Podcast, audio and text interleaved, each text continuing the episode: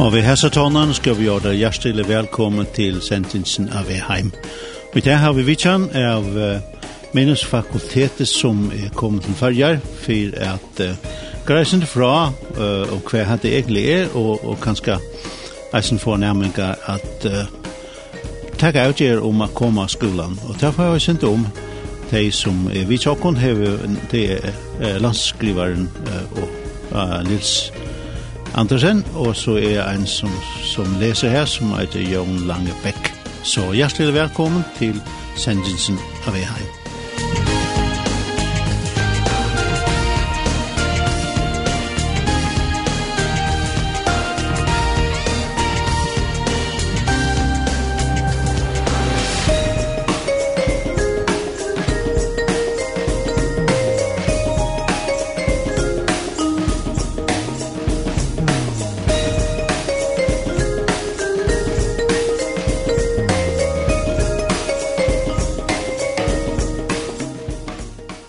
en sjålande ønske er vi heim utan uh, tonleik, og vi fer at, uh, at spela uh, et lær som kanskje ikke spalt uh, i langt hui.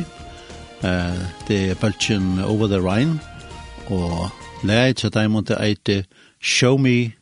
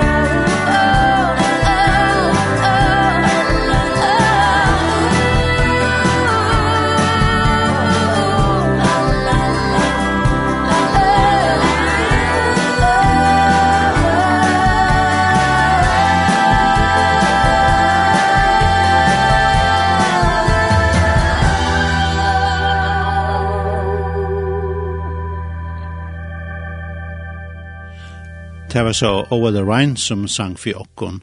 Och nu så finns ju vidjan här i stående av eh, två som ombor eh, minnesfakultetet, minnesfakultetet.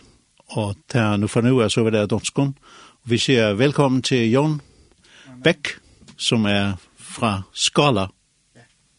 Och um, du ska vara hjärtligt välkommen og hene mander, nu, nu skifter jeg over til Færøs, fordi han, sådan er det, hvor den anden ende af bordet, der sidder så Nils uh, Andersen, og du skal også være hjertelig velkommen. Tak skal du have.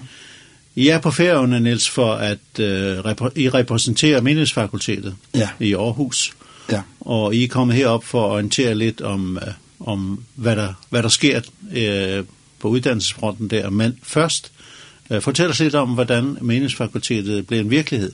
Ja. Mindesfakultetet er jo en uddannelsesinstitution i Aarhus, hvor man kan tage en del af sin teologiske uddannelse. Vi tilbyder en bacheloruddannelse. Men det startede helt tilbage i 1967, hvor man samlede nogle mennesker for at se, om man kunne oprette øh, et menighedsfakultet, som mindede om det, som var i Oslo, som man lød sig inspirere af. Og baggrunden det var, at øh, mange i den danske kirke var bekymrede for udviklingen i kirken med den forkyndelse, som nyuddannede præster de kom med. Den var meget bibelkritisk og imod kirkens officielle lære. Da man kunne sætte spørgsmålstegn ved, om Jesus overhovedet eksisterede, om han var opstået fra de døde, og en række andre sådan centrale trossandheder. Var det sådan spændinger imellem... Undskyld, var det så spændinger imellem eh missionsarbejde, som, som også er inden for den lutherske kirke, og så egentlig folkekirken? Hvad det det, der lå bagved det her? Øh, jeg tror, at uh, det var jo præster, som, som stod bag i, i meget stor udstrækning, uh, og de var bekymret for, om, om den teologi, som de nye præster de fik med fra deres teologiuddannelse, om den egentlig klædte dem godt på til at fungere i en troens virkelighed, som, som kirken jo er. Det er jo en, et sted, hvor, hvor øh, troen øh, selvfølgelig er altafgørende. Ja.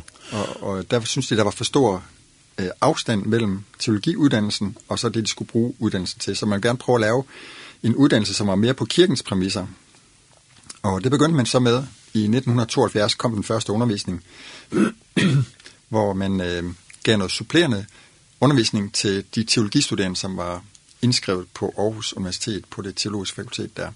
Så man begyndte i det små, i et missionshus, og så øh, købte man sidenhen en præstebolig på Karl Barthsgade i Aarhus, og den blev også hurtigt for lille, så byggede man til med nogle trapperakker, og til sidst så endte man op på Katrinebergvej, hvor vi er nu, hvor man har bygget sin egen øh, større bygning. I 1982 blev den så taget i brug.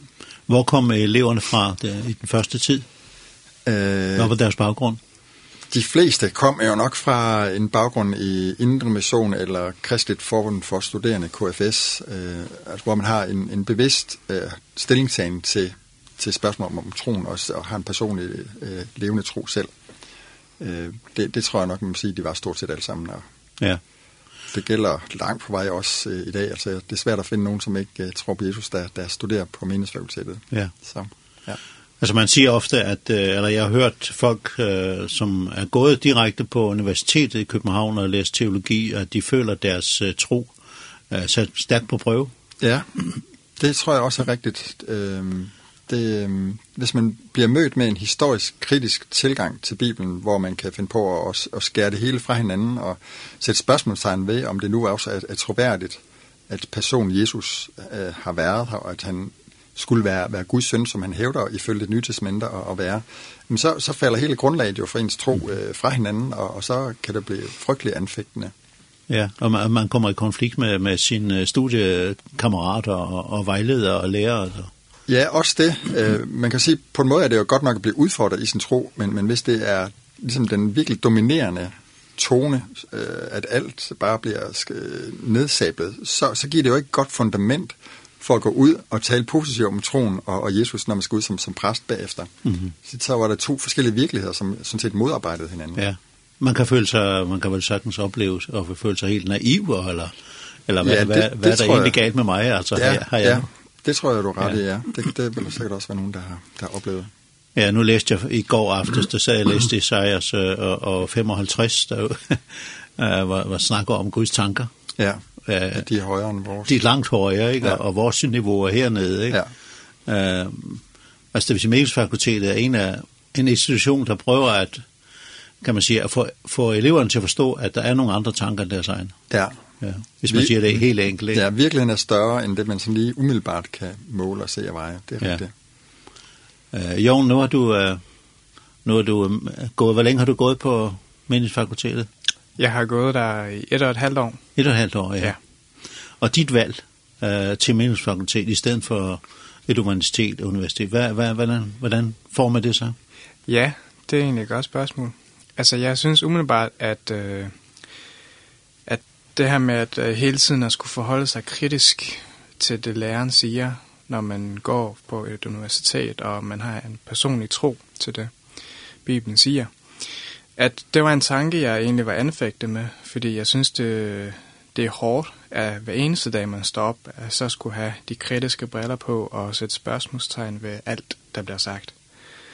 Øh, så jeg, da, da jeg fik at vide, at man kunne læse på menighedsfakultetet og egentlig blive undervist i troende, kristendom af lærer der er troende, så synes jeg simpelthen, det var så tiltagende, mm.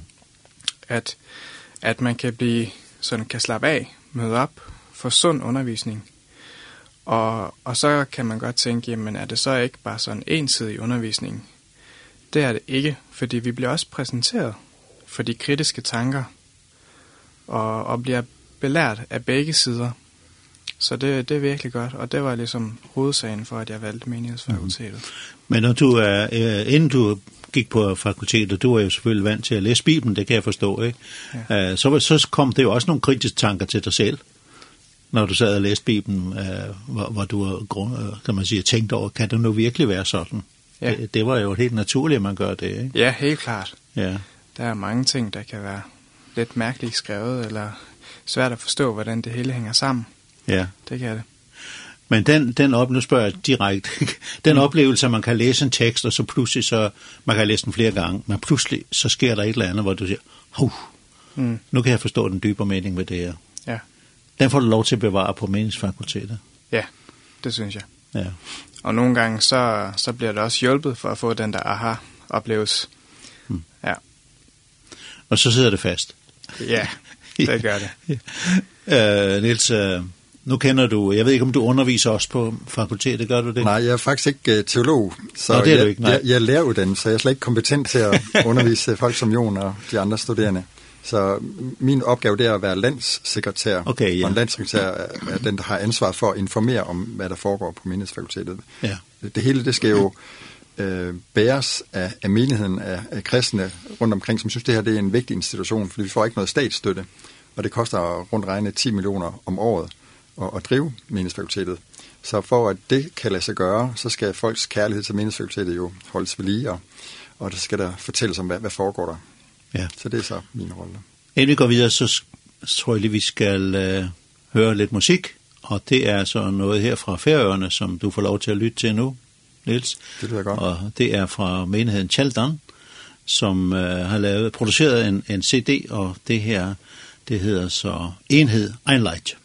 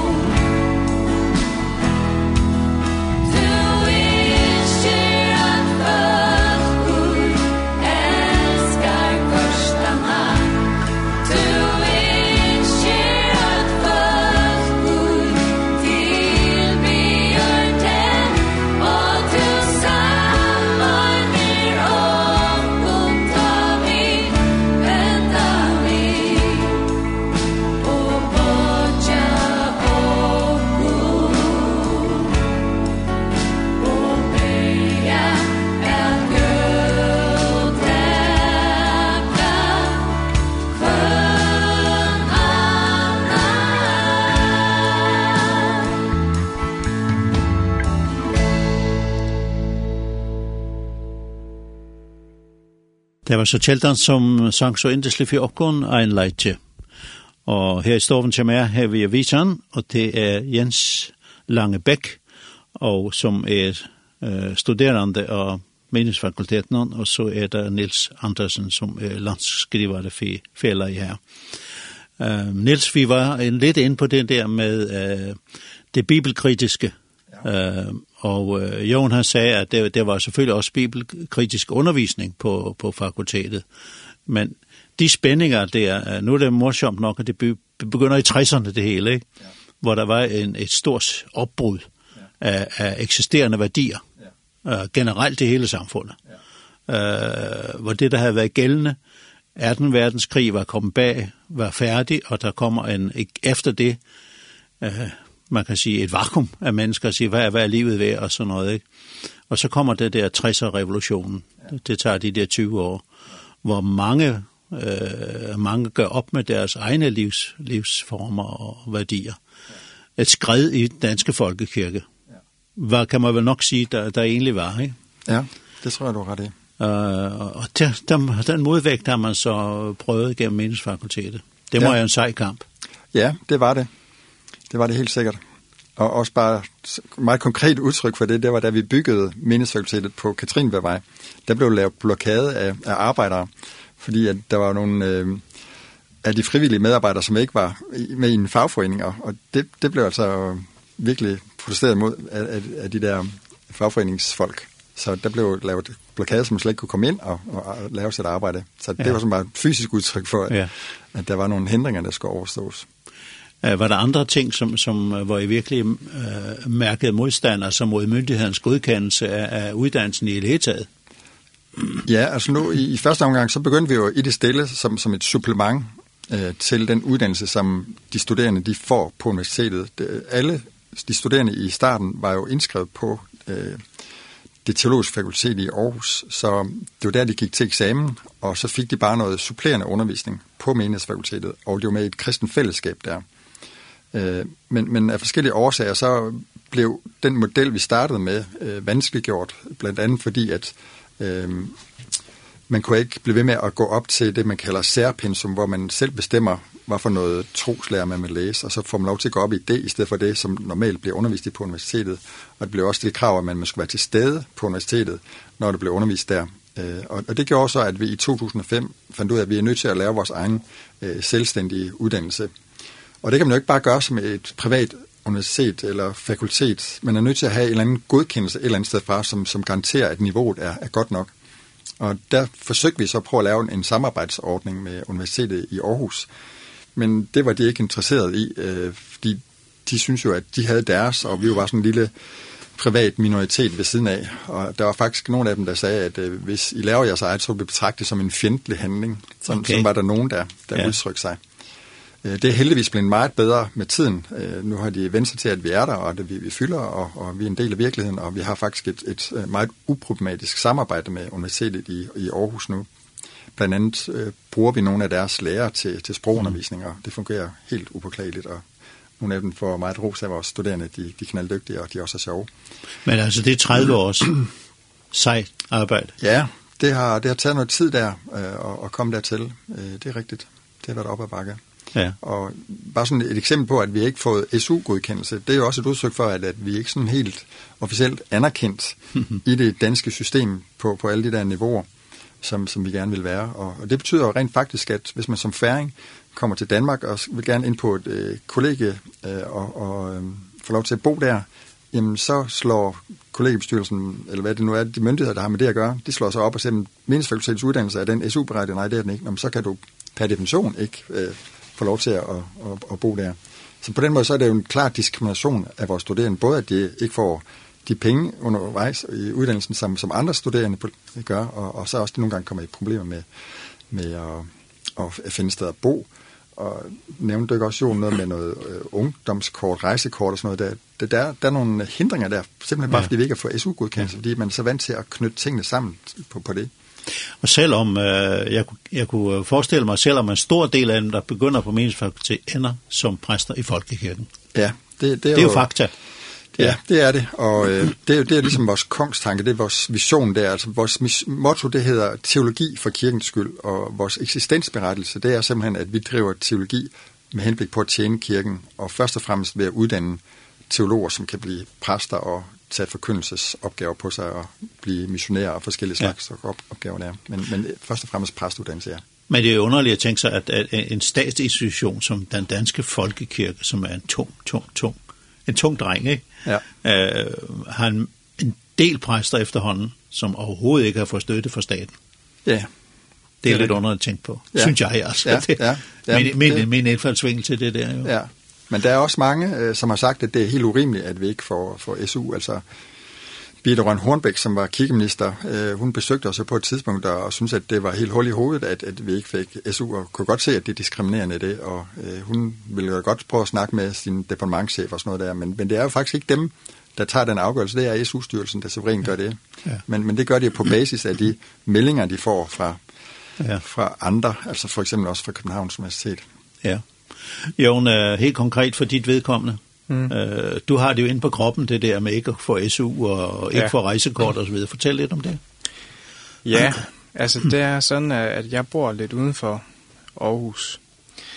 Uh, det ble jeg lidt nødt til, fordi at det var, da jeg blev gift, så kunne vi ikke finde et bolig inde i Aarhus, fordi at det er boligproblem. Det har så ikke noget med SU at gøre, men uh, vi valgte så at flytte ud Og det er sådan, at når man er i Danmark, så kan man få det, der hedder ungdomskår.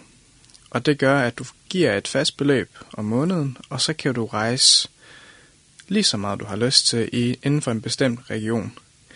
Men den er sådan, at den kan du kun få, hvis du går på en SU-berettet uddannelse. Øh, og så kunne jeg desværre ikke få. Men øh, jeg får SU fra færøerne. Så til tænkte jeg, jamen det er da mærkeligt, fordi jeg får jo SU man kan stadigvæk ikke få ungdomskortet, så jeg tog kontakt til dem. Og så sagde de, at jamen, vi tager ikke og behandler enkeltsager, og at det er sådan, at det er uddannelsen og ikke personen, der er afgørende. Og fordi uddannelsen ikke er godkendt, så kan du ikke få ungdomskort. Mm -hmm. så, så det er lidt uheldigt. Ja. ja. Men du får så SU, fordi du er for færgerne. Det gør jeg. Ja. Men det er en særlig situation, Niels, at, at han får det, ja, fordi det, han er det gør de danske studerende ikke. Nej. Så vi, vi tilbyder så fra menighedsfakultetets side en, et stipendium på gennemsnitligt cirka 2.500 om måneden i 10 måneder om året. Så kan de så i sommerperioden have ja. noget erhvervsarbejde ved siden af. Og jeg skal også lige sige, at, at vores undervisning den ligger fra mandag til torsdag, og så er det undervisningsfri om fredag netop med henblik på, at de kan have et erhvervsarbejde ved siden af, mm -hmm. så de kan få øh, øh, lidt til, til livets ophold. Ja. Det er jo ikke gratis at bo i Aarhus og, og holde sig selv i live med kost og logi og det hele. Mm. Så jeg har lyst til at spørge, uh, Niels, hvor kommer de penge fra? Det er simpelthen fra kristne rundt omkring i, i, i landet, som synes, at meningsfakultetet er en vigtig institution med henblik på at uddanne nogle gode, engagerede præster, som kan forkynde et klart budskab om, hvem Jesus er, og bygge menigheder op og, og gøre et godt stykke arbejde der. Mm -hmm. uh, lidt om det konkrete her på, på færgerne. Uh, I har rejst rundt. Ja. Og øh, hvad, hvad har jeres opgave egentlig været, når man I har været forskellige menigheder og, og kirker? Altså, der har været en, en lokal øh, færøsk præst, som har gået på meningsfakultetet, øh, som har lagt programmet for os, og der er fire eller fem, fem ungdomsmøder, øh, hvor Jon han tager de fire af dem, og så har vi fået et enkelt voksenmøde, og så er der to radioudsendelser, så været øh, på besøg på et gymnasium i Kampstad, hvor vi holdt en andagt for KFS-gruppen der, og så har vi jo så haft en samtale med, med biskoppen her i eftermiddag. Ja. Uh, har I nogen fornemmelse af reaktion, af interesse og sådan, uh, at folk ligesom gav udtryk for, Jon, at, de har, at folk ønsker at måske følge efter dig og, og, og gå ind på meningsfakultetet? Er der nogen, der har nogen reaktion? Altså, det er jo altså, hvad skal man sige, der er jo ikke så mange, der, der føler sig kaldet til at læse teologi. Øh, så på den måde, så er det begrænset. Men, øh, men jo, der har været interesse for skolen, det har der været, og et par enkelte tilfælde, hvor der har været stor interesse for at høre mere om uddannelsen, og hvordan det hele hænger sammen, og strukturen og fordelene ved at gå på MF. Så interessen har været der. Mm -hmm. Det har det. Ja, og også konkret sådan at sige, kan du Ja. Eh, hvordan kommer jeg ind der, og så videre, så støttemuligheder og den slags ting? Øhm, nej, ikke så konkret, fordi mm. at øh, dem, der jeg har snakket med, de er, de er ikke kommet helt så langt i deres i, i hvad hedder det, gymnasieforløbet. Så de skal ikke til at søge nu, mm. men de overvejer det, når de skal søge om et par år. Ja. Ja. Mens vi har fat i dig, øh, dit formål med at begynde på fakultetet, hvad, hvad har det været? Altså, både det var teologi, og hvad så? Ja, det er jo et rigtig godt spørgsmål. Altså, jeg, jeg synes ikke helt, jeg kan svare, hvor jeg sådan endeligt skal, skal bruge det henne. Og det synes jeg egentlig er spændende nok, fordi at, at så er man heller ikke lukket, øh, men er åben for alle de muligheder, der skulle komme med på vejen. Ja, ja så det, det korte svar, det er, jeg ved ikke, hvad jeg skal bruge det til, men jeg ved, jeg er på det rigtige sted. Du ved det på det rigtige sted, ja. ja. Det, det, er jo, det, er jo, det er jo frit svar. Hvad, hvad synes du om det, Niels? Jamen, jeg synes, det er aldeles glemrende, fordi øh, det er en stor beslutning, hvad man skal bruge sit liv på. Og vi oplever faktisk mange studerende, at de har sådan en eller anden form for, for kald til at studere Bibelen og, og formidle øh, det kristne evangelium. Men lige hvordan det skal være, det, det er en tanke, som ofte bliver modnet i, i løbet af uddannelsen. Og nogen synes måske, det er en stor mundfuld at skal ud og være præst og have et ansvar for en, en stor menighed. Så nogen vælger så at blive ansat i en kirkelig organisation. Det kan være Indre Mission, det kan være Kristeligt Forbund for Studerende eller lignende. Og så er de der måske 2, 3, 4 øh, eller lidt flere år, og så er de moden og klar til at og så tage præstetjeneste på. Mm. Så det, det der mangles, der, der, der oplever den udvikling. Men der er også dem, som undervejs i studiet, øh, ved at møde præster, som inviterer ind på Mindesøjtet, som fortæller om deres arbejde, bliver tændt og siger, hold op, sikkert mange muligheder, man har mm-hmm. som, som præst, i, for eksempel i Folkekirken i Danmark. Man har en kæmpe berøringsflade med, med folk, som kommer med deres børn, der skal døbes som spæd, og så er der øh, minikonfirmandundervisning, der er babysalmesang, der er begravelsesamtaler, der er hvilsesamtaler, og, og øh, man møder simpelthen befolkningen på en rigtig god måde der, og, og folk har generelt en, en stor tillid til, til folkekirken, så, så der er virkelig store muligheder for at møde folket med evangeliet. Ja. Og, og det, det er der så nogen, der, der tænder på, når det, ligesom, det går op for dem. Mm. Ja. Og den egentlig, som, som jeg har også overrasket, jeg kender jo nogle præster i Danmark, hvor, hvor, hvor stor frihed der egentlig er. Ja, det er... Der, folk, man, man tænker så måske et lukkesystem, ja, nej, det men er, det er det jo ikke. Lokalt, så er der virkelig store muligheder, og der er mange, der gør et kæmpe, kæmpe godt stykke arbejde, som, ja. som også der er stor tilslutning til. Ja, det kan man se uh, selvfølgelig. Man kan se på kirkerne, ja. hvor, hvor, hvor, hvordan det er. Ikke? Man kan se, hvor kirkegangen ja. er, ja, ja. for eksempel. Uh, Nils, uh, har, har, I nogen, har I noget overblik over, hvor, hvor de forskellige studenter har, har endt deres, når de har fundet det rigtige, det rigtige sted? Altså, de sidste opgørelser, jeg har været med til at lave, der er det godt halvdelen, der ender som, som præster. Og så er der en række, som arbejder med undervisning. Det kan være på bibelskoler, højskoler, gymnasier, efterskoler, som vi har i, i Danmark, øh, og så er der nogen, der rejser ud i internationale mission. Øh, det er ikke så mange, men, men øh, de er der. Der er nogen, der er præster i udlandet i USA, og vi har haft nogen i Israel, vi har haft nogen i Norge. Mm -hmm.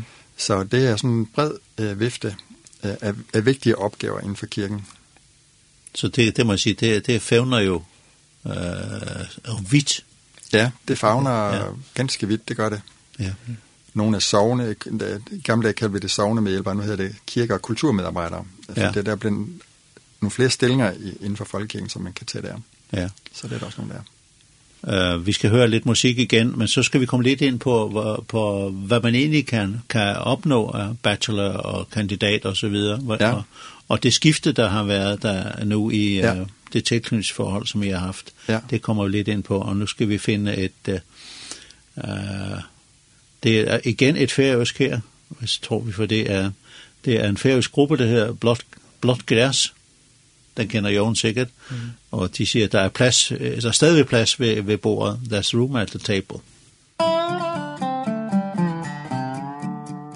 There is room at the table. There is food, fill up your plate. Take a seat like a noble. Welcome in, you're not too late.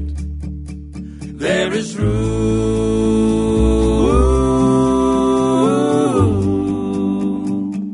Come sit down next to the king.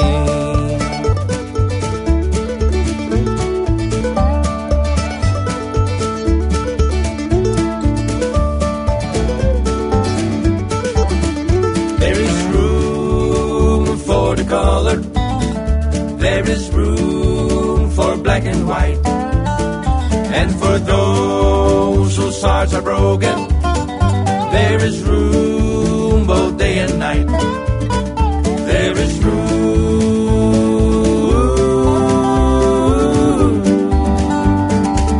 Come sit down next to the king.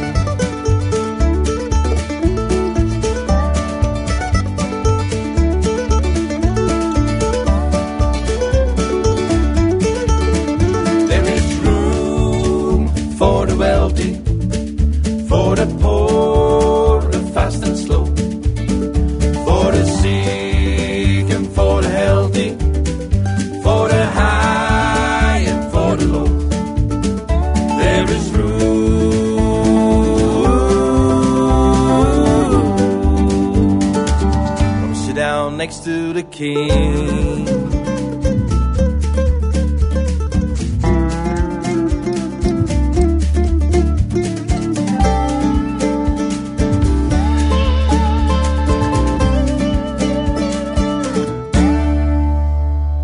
Det var Brock Jazz som framfører for åkken der Zoom at Table.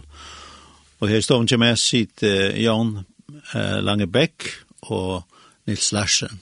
Andersen hva er det, ja som kommer fra meningsfakultetet. Og Nils, vi snakker litt om uh, hva, hva består uddannelsen egentlig av, uh, og vi har snakket om hva, hvor langt kan man nå ved å gå på meningsfakultetet med de der forskjellige grader, der er kandidat og bachelor og så videre. Ja, ja. Uh, hvordan, det, hvordan er det oppbygget? Det som vi tilbyder på meningsfakultetet, det er den første del av en teologiuddannelse, det er det man kaller bachelor-delen. Og øh, hvis man så gerne vil være præst, så skal man så videre på universitetet og have en toårs overbygning, som man kalder kandidatdelen. Og så derover skal der så være et halvt år på pastoralscenariet, hvor man lærer nogle mere praktiske ting, som øh, er, er nyttige for, for præster at vide. Det skal alle gennem, også det, dem, der er det, kandidater, så de skal ja, gennem det der. Ja, det skal de. Ja. Hvis man skal gå den officielle vej ind i, i folkekirken, så er det så den måde, det, det foregår ja. på.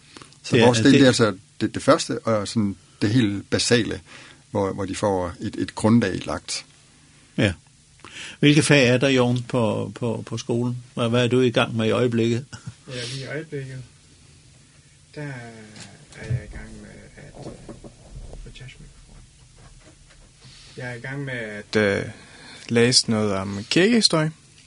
Vi kigger fra reformationen og op til nutiden, hvordan kirken har udviklet sig – så er jeg i gang med at have sprogundervisning, hvor vi lærer hebraisk. Øhm, og så, fordi at vi har jo fokus på det her med at være i menigheden, så har vi et fag, der hedder kategetik, hvor vi lærer at undervise. Sådan at det er jo egentlig forskelligt, om du skal undervise nogle børn eller nogle voksne, hvordan du håndterer materialet og hvordan du formidler det. Um, og så har vi et fag, der hedder samtidsanalyse, hvor vi liksom lærer at kigge på de problematikker, der er i samfundet, og, og egentlig måske lære at lave en prædiken, der liksom taler ind til det samfundsproblem, som egentlig er relevant for de kristne i deres hverdag. Så det er liksom de fag, vi har lige nu. Mm -hmm. Hvad er mest spændende? Åh, men de er jo spændende på hver sin måde. Jeg har faktisk glemt et af det mest spændende, som det er faktisk Markus evangeliet, som vi faktisk uh -huh. er i gang med lige nu yeah. hvor vi sådan, ja, det er virkelig god undervisning det hele. Men jeg synes nok, Markus, det, det, det er det mest spændende lige nu, fordi at, at øh, det er ligesom det, der udfordrer en mest, øh, sådan rent trosmæssigt. Ja. Ja, det tror jeg godt, vi kan være enige om. Ja. det er helt sikkert. Um, I havde noget tilknytningsforhold til forskellige universiteter i udlandet for at få disse her ting godkendt. Ja. Ja. Det er rigtigt. Da vi startede med vores egen selvstændige bacheloruddannelse i 2005, så var det med et samarbejde med University of Wales, altså et universitet over i Wales, som, som kom på besøg og så vores faciliteter, mødte vores studerende, mødte vores lærere, sagde god for det hele. Og øh, så akkrediterede det de uddannelser, det vil sige, de godkendte den og sagde, at niveauet var i orden. Og så på basis af en bacheloruddannelse ved det universitet, så kunne de så læse videre i i Aarhus på universitetet der, og så sætte den der overbygning, som vi kalder kandidatdelen.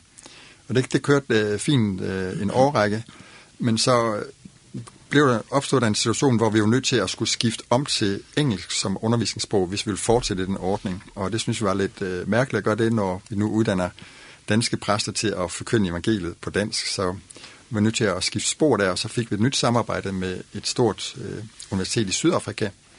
Øh, og, og det er dem, vi arbejder sammen med nu, Men, men så her fra sommeren af, så tager vi igen et skifte og, og får en ny norsk samarbejdspartner, og det hedder Fjellhaug International Højskole. Eh, som kalder det sig i, i Oslo, men fordi ordet højskole kan give nogle forskellige forkerte associationer for danskere, så kalder vi det Fjellhaug International University College, men det er præcis det samme. Og de har altså hovedsæde i Oslo, og de har en afdeling i København, og nu får de så en afdeling i Aarhus, og det kommer til at foregå på meningsfakultetets øh, matrikel i vores lokaler og med vores lærere som undervisere. Det bliver faktisk en, en ren norsk uddannelse, hvor vi så bare lægger lokaler til og lærerkræfter til. Og det bliver faktisk sådan, at vores øh, fakultetsledere og lærerne, de skal ansættes i Norge øh, på Fjellhavg. Mm -hmm. og, og så bliver det den der nye afdeling af Fjellhavg i, Aarhus, i Aarhus, som, som bærer den her uddannelse. Forventer du, at det vil ændre lidt med SU-forholdene der? Eller det har du ingen idé om? Jeg ved, at Dansk Bibelinstitut i København, som så har en, en tilsvarende afdeling af Fjellhavg øh, hos sig, at, at de arbejder meget på det og er kommet længere, end, end vi måske er lige på nuværende tidspunkt. Så hvis, hvis det lykkes for dem, så, så vil det sikkert smitte af på os, men mm -hmm. det er nok lidt for tidligt, i hvert fald for mig, at, at udtale mig ja. for meget sikkert om det. Uh, Altså, der er en hel, hel del færøske præster, som har gået på fakultetet. Ja, det er der. Øh, Jon og jeg har lige været på besøg hos øh, biskoppen her i, i, på færgerne, og han fortæller, at, at 8 af de 25 nuværende færøske præster, de har haft en baggrund enten på menighedsfakultetet eller på, på Dansk Bibelinstitut. Så jo, det er, der er mange heroppe, der også kender, ja. kender til det og har den der teologiske baggrund fra, de de ja. studiesteder. Mm. Jeg tror det er jo, når man har en bachelor øh, for meningsfakultetet for eksempel, og, og, og tror at man føler sig bedre rustet til at gå ind på en kandidatuddannelse på universitet, Københavns Universitet eller Aarhus Universitet. Ja, helt klart. Det synes jeg. Øhm, en af mine medstuderende siger, at, som har prøvet at gå på Aarhus Universitet, han siger, at der, der, ligesom, at der er så meget fokus på de kritiske at man glemmer at kigge på tekstens indhold og applikation. Mm -hmm. Så det, at vi får ligesom lært at bruge det og anvende det i bacheloren, så skaber det fundament. Så, så om underviseren ikke altid kommer med det, så har vi i hvert fald redskaber til selv at kunne udlægge det. Mm. Så det er virkelig godt. Ja, det er virkelig underligt, at, at, at man bruger så meget tid på, kan man sige, bortforklare Bibelen, ja. øh, som er grundlaget, ikke sandt? men, men sådan er det vel sagtens. Mm. Men jeg kan måske lige supplere her, fordi at det er rigtigt, at en af Jons studiekammerater øh, har fortalt, det, han har startet på universitetet, og så fandt ud af, at hey, det er bedre over på meningsfakultetet. Og da vi startede i 2005, så var der faktisk øh, i hvert fald tre af de studerende, der startede hos os, der havde læst enten et eller to eller tre år på universitetet, som så begyndte helt forfra. Og det var simpelthen fordi, at de troede mere på den konstruktion med vores øh, teologiuddannelse, som havde en, en stærkere tilknytning til kirken, hvor der var mere praktisk øh, teologi, hvor man lærte at holde andagt, lærte at prædike, og, og hvor man havde det samme fundament som kirken, at det var en bedre uddannelse for dem, mm. end den man så får på universitetet, som både kan være bibelkritisk, men også kan være ekstremt teoretisk og langt, langt væk fra, fra den, øh, den kirkelige virkelighed. Ja. Ehm hvordan ser det ud med, med tilgangen? Uh, er, er det, er det, vokser det? Kommer der flere og flere, der ønsker at komme ind under det? Altså, vi er jo et meget lille øh, sted, lille institution, så vi optager kun studerende hver andet år. Øh, og øh, der har det svinget typisk mellem 20 og 30 studerende, som, øh, som bliver optaget. Og øh, jeg kan ikke se nogen, nogen klar udvikling i, om, om det bliver færre eller, eller flere. Vi havde studieintroduktionsdag lige før vi tog herop øh, på færgerne i torsdags, og der var der 14 meldt til det. Og øh, det ligger på det niveau, som det også var for to år siden. Ja. Jeg var inde på jeres hjemmeside og kiggede lidt på, hvad der står der og sådan noget, og, og, og, og så, så synes jeg, at der var, der var meget få kvindelige kandidater, eller, eller, som blev undervist, men hvordan forholder det sig med, med, med mandlige og kvindelige studerende? Det, det er rigtigt. Hvis man ser på kønsfordelingen, så, så er den ret skæv. Så er der nogen flere mandlige studerende end, end kvindelige studerende. Men det betyder ikke, at, at kvinder ikke er, er velkommen. Vi vil faktisk øh, rigtig gerne, der også er nogle kvindelige studerende, fordi det, det er super godt for miljøet. Men vi tror faktisk også, det er godt og, og vigtigt for kirken, at der kommer nogle kvindelige teologer ud, for de kan have en lidt anden tilgang til nogle ting, øh, til sjælesorg og hvad ved jeg, øh, en, en mænd har. Jeg tror, der kan godt være en, en lille kønsforskel, selvom der selvfølgelig er mange individuelle forskelle der. Så jo, vi, kvinder er bestemt øh, velkomne. Jeg læste mig til, at den danske det 60 procent af præsterne er kvindelige præster. Det skal nok passe, ja. De er i hvert fald overhældende mændene, ja. ja. ja. Så, Og hvis man så spoler lidt tilbage, så jeg tror jeg, at de første kvindelige præster blev indsat, var det 1947 eller 48 eller sådan noget. Så der er en forskydning der, måske ja. også inden for, inden for uh, menighederne i forhold til folkekirken. Ja, det er helt sikkert. Altså, kvinderne de fylder meget mere nu, end, end, end de gjorde tidligere der. Så ja. det er der så måske også nogen, der tænker med, at det er ved at kamme sig over, så til det bliver lidt for meget, altså det bliver lidt for kvindedominerede arbejdspladser og sådan noget. Så det kan man jo have lidt uh, ja. forskellige... Så det skal gå en, en klar signal ud herfra, at uh, alle, alle kvinder er velkommen. Ja, helt afgjort. Ja. Mm. ja. Hvad, hvad, hvad, hvad går der nogle kvinder på dit hold? Ja, vi har to. Ja. Og der startede, jeg var vel, der var vel tre, der startede, og så var der en, der, der fandt ud af, at det var ikke lige hende at gå Nej. og læse teologi. Hun skulle have noget praktisk arbejde i stedet for. Ja, ja. Ja. Det støvede for mig. ja, jeg ved ikke, hvad skal sige. ja. Resten af jeres tid på, på færgerne, Niels, hvordan, hvordan former den så? Hvad skal I lave fra, fra nu af og til I tager hjem? Altså, vi har aftaler om at holde nogle ungdomsmøder. Det er mest Jon, der gør det. Så mm. det skal vi have både fredag og lørdag og søndag aften, og så et enkelt voksenmøde øh, på søndag i Klaksvig. Ja, altså nu øh, i aften? Ja. ja. Hvor, hvor er det hen i år? I Lørvik.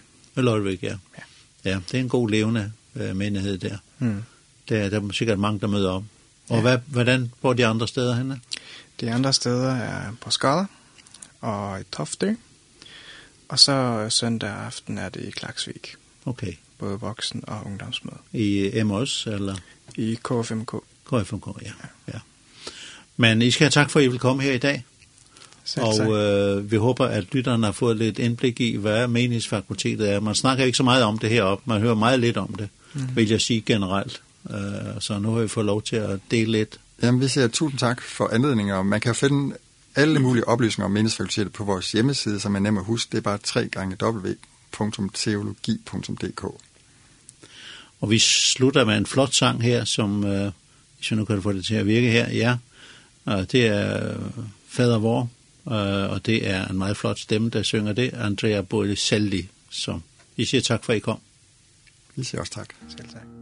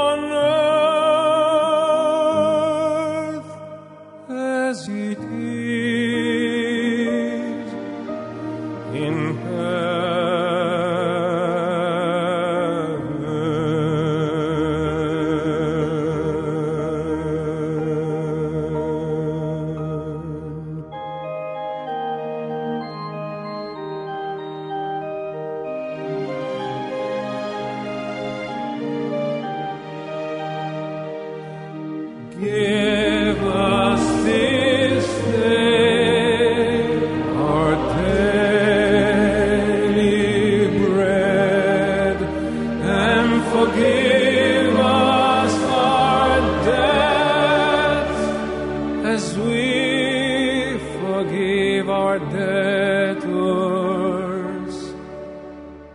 And lead us not into temptation but deliver us from evil.